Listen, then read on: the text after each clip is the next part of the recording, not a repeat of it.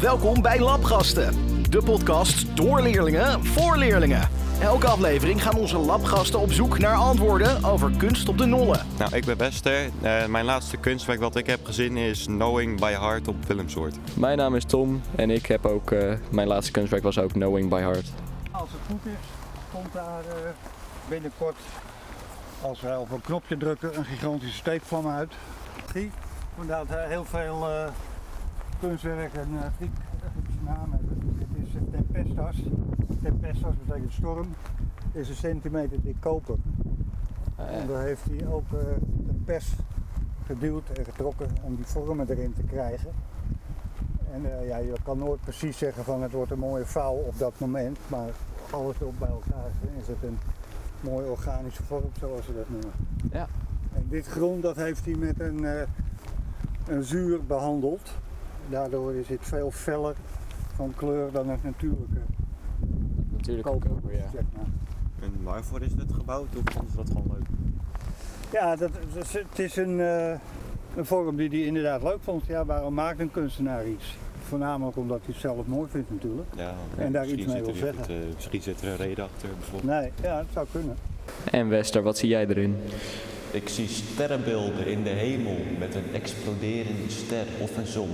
Ik zie ook een supernova, een ster die explodeert. En je hebt allemaal eh, kleine gaatjes als het ware, met wat plastic of wat glas ervoor. Dat het eh, licht door laat schijnen, alsof het kleine sterretjes zijn. Die kleine gaatjes waar ik het net over had, het lijkt wel alsof ze eh, samen een sterrenbeeld vormen als het ware. Omdat ze zo dicht op elkaar zitten en in een rare vorm maken. En de kleuren die zijn donkerblauw en een soort explosie is allemaal wit. Dus het lijkt echt alsof er een soort van explosie gaande is in het niets van blauw en zwart. En Wester, heeft deze ruimte nog invloed op wat je ziet en wat je denkt?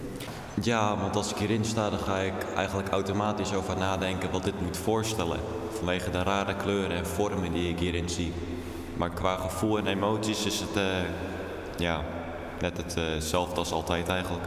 Ja, ik ga automatisch omhoog kijken omdat er zo'n hele grote cirkel met een, gla- met een plastic koepel omheen zit. Dat vind ik wel mooi. En weet u ook of deze, eh, dit kunstwerk ook op een bunker gebouwd is? Ja, Want ik zie al een beetje in de vorm alsof het lijkt dat hier een luchtafweerpunt gestaan heeft. Of zijn deze vormen er gewoon zelf ingemaakt van het vloer? Er zit nu net vloerverwarming onder en deze vloer uh, ja, is overheen. En dat correspondeert met, met de uh, hemelpoort daarboven. Ja. En die pizzapuntjes, zoals ze dat noemen, Ja. symboliseert het wit wat naar beneden getrokken is. En de, de rood is dan uiteraard het blauwe getrokken. Ja. We trekken deze olieverf op doek. Hij heeft eerst een spouwmuur gemaakt. Daar eh schildersdoek op gespannen. En dan is het een schilder. Het bovengedeelte, het wit, symboliserend eh, eh, de bovenste luchtlaag, heeft hij ook naar beneden getrokken. Om eh, ja, licht en eh, lucht op eh, de lager gelegen delen te krijgen. Ja. Dat heeft hij gedaan zoals je ziet. Je ziet overal strepen. Ja. En dat heeft hij met zijn vingers naar beneden getrokken. Ah. Zo heeft hij op een andere manier heeft hij hem eh, geverfd. Dus Ja. gewoon vingers op zijn verf en dan gewoon naar beneden. Ja. Gaaf. En je ziet ook dat olieverf, ik weet niet of je het weet, maar als je olieverf gebruikt, dan glimt dat gewoon. Ja. En boven zie je dat het een hele eh, matte structuur heeft. Ja. Nou, dat heeft hij onder andere gedaan door eh, doeken in de verf te drukken en het eruit te halen. Zodat je ja, als het ware allerlei korreltjes eh, gaat zien. En daardoor een matte verf krijgt met een korrelstructuur als het ware. Ja. Heeft hij hier ook een met zijn handen gebruikt? Bijvoorbeeld zo met zijn vingers te vegen. En ik zie als je hier kijkt met dit ding zie ik heel veel eh, vijf, vier, vier, vijf strepen zo Ja. eh, naast elkaar gaan. Dat is namelijk, lijkt mij nogal moeilijk om met alleen kwasten Omdat? Om dat met kwasten te doen lijkt me namelijk Nee, nee, wel inderdaad met zijn handen gedaan. Ja. En voor de rest heeft hij gewoon met, met de paletmessen eh, verf opgebracht. En olieverf dat doet natuurlijk een tijd drogen voordat je de tweede laag erop kan, eh, kan doen. Dus vandaar dat hij er eerst al lang aan gewerkt heeft. En ik weet niet of dit, of dit opvalt, want het is natuurlijk een heel andere vorm dan vanaf buiten gezien. Ja. Hier is het als het ware ja, naar een rond, terwijl buiten juist eh, een vierkante vorm. eh, Ja. En Wester, hoeveel sterren geef jij het? Nou, ik zou dit kunstwerk zo'n 4,5 tot 5 sterren geven eigenlijk. Ja, ik geef het een, eh, een 4,3 ster. Dit is het schaalmodel van, van eten, inderdaad. Heeft hij dat daarvoor of daarna gemaakt? De voor. Maak eerst tekeningen, schetsjes en dan een miniatuur. Ja. En dan uiteindelijk eh, En dan bouwt hij het in het echt. ja. Oké, gaaf. Maar niet bepalen. Eh, Alles wat hij hier gemaakt heeft is van Van de Wind. Hè? Dus er is Ja. geen andere kunstenaar aan te pas gekomen. Oké. We gaan hier helemaal doorheen. Nou Wester, wat zijn de eerste twee dingen die jou aan dit nieuwe kunstwerk opvallen? Nou, ik loop hier dus langs en ik zie meteen een kaasschaaf. Een hele grote bronzen kaasschaaf. En toen ik daar nog even dieper in ging kijken, toen zag ik allemaal eh, buizen, leidingen, pijpen, ronde pijpen, aangesloten op een grotere buis. Dus we hebben onze gids even gevraagd en het schijnt dus een stoomhuisje te zijn. En dat als je hebt een sensor en als je daar langs loopt, dat hij dan ook nog gaat stomen. Nou, we zijn nu aan een andere kant gaan staan van het gebouw. En eh, Wester, wat zie je er nu in? Een trappenhuis? Er zijn nog andere dingen die je erin ziet. Nee, momenteel niet. Nee, ik zie eigenlijk ook het trappenhuis, want er zitten allemaal stalen buizen die zigzaggend door elkaar heen gaan. En dat lijkt heel erg op het trappenhuis. Eh, verder ja, een beetje een flat, als het ware, met een hele grote halve bol erop. Nou, Wester en ik die zijn dus net even van veraf gaan kijken. En ze hebben een, zeg maar, een effect in dit kunstwerk gemaakt. Dat als je er veraf ziet, je ook de kleine gaatjes erin ziet. Eh, Die je ook die ziet terwijl je dichtbij, helemaal dichtbij staat. Alleen zie je ze dan een stuk groter. Heb je er nog iets op te zeggen? Nee. En dan is het nu tijd voor een vragenrondje. Oké, hoe ehm, weet u toevallig ook hoe dit kunstwerk heet? Ja, eh, dat heb ik net al gezegd trouwens. Het heet een stoomhuisje. Maar het, het bijzondere is eh, juist de, de, de gaatjesplaat, dat geeft een, schijnbare beweging. Je, de, de, de patronen worden groter of kleiner naarmate je de afstand tot het stoomhuisje neemt. En als je beweegt, is dat die schijnbare beweging. En hoe noemen ze dat nou? Dat noemen ze het Moiré-effect.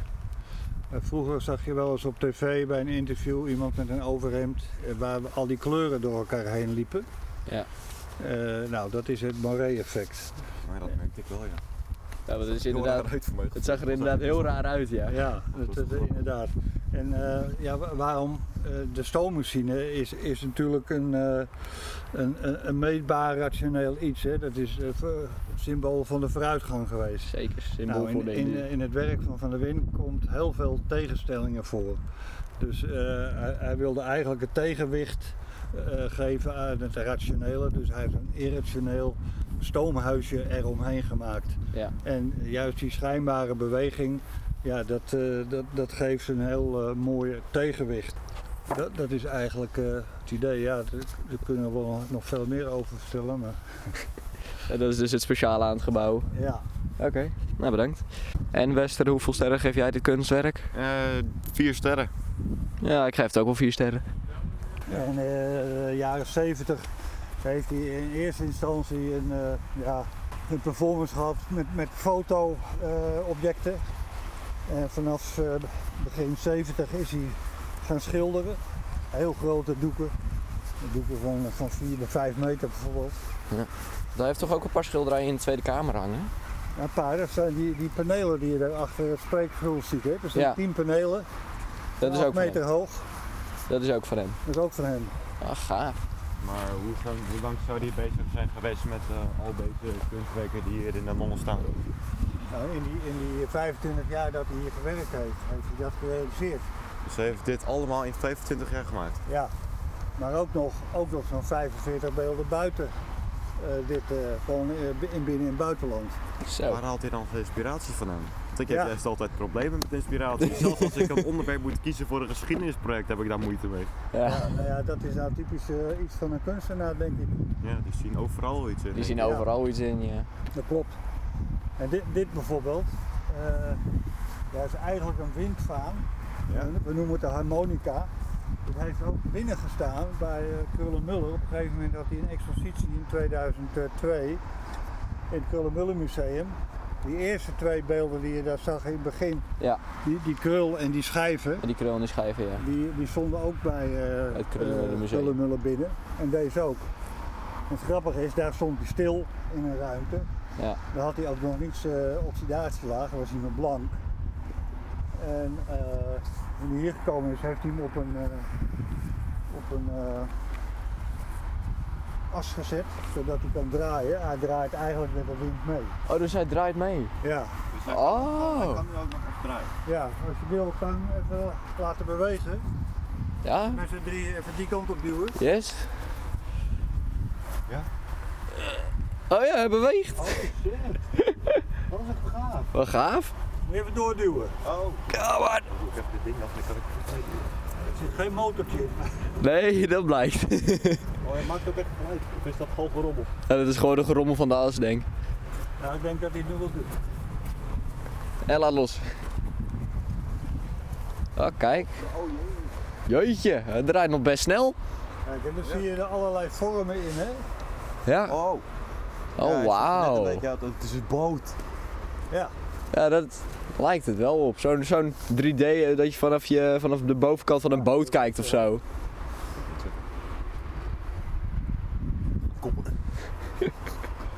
Dit ziet er inderdaad wel moment gaaf dat uit. hij draait, zie je een andere vorm eigenlijk, hè? Ja, inderdaad. En Ach, eh, ja, hier is geen, geen geschiedenis achter, behalve dat hij hem gemaakt heeft.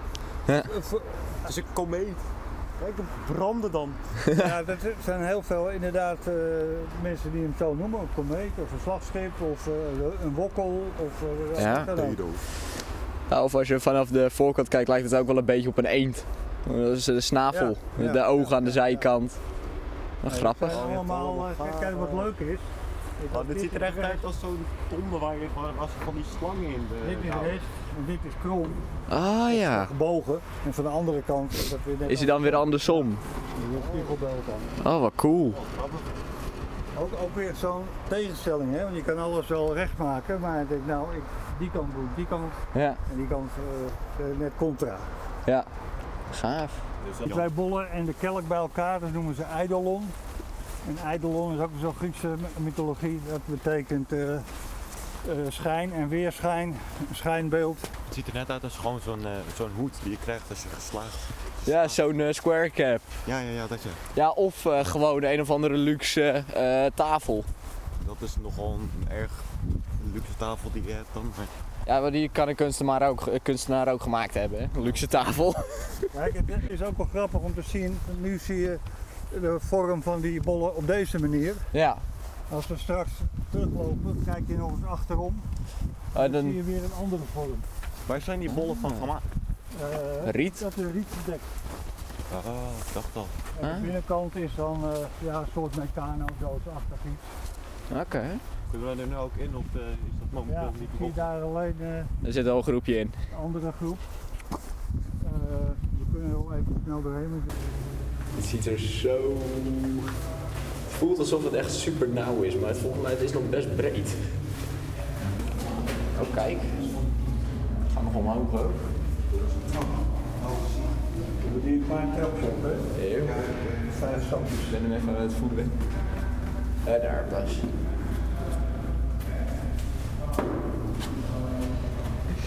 Volgens mij zijn hier al heel veel mensen overheen gestruikeld. Dit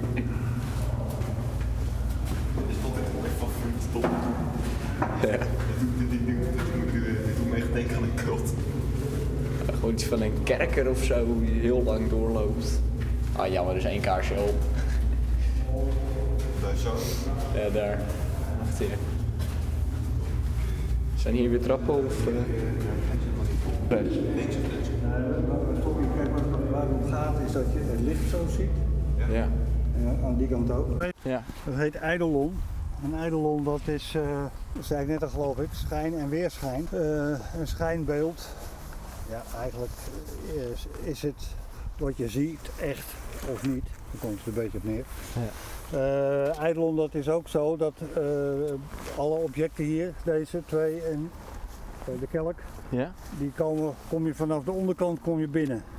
Ja. Ook deze twee zijn op een bestaande bunker.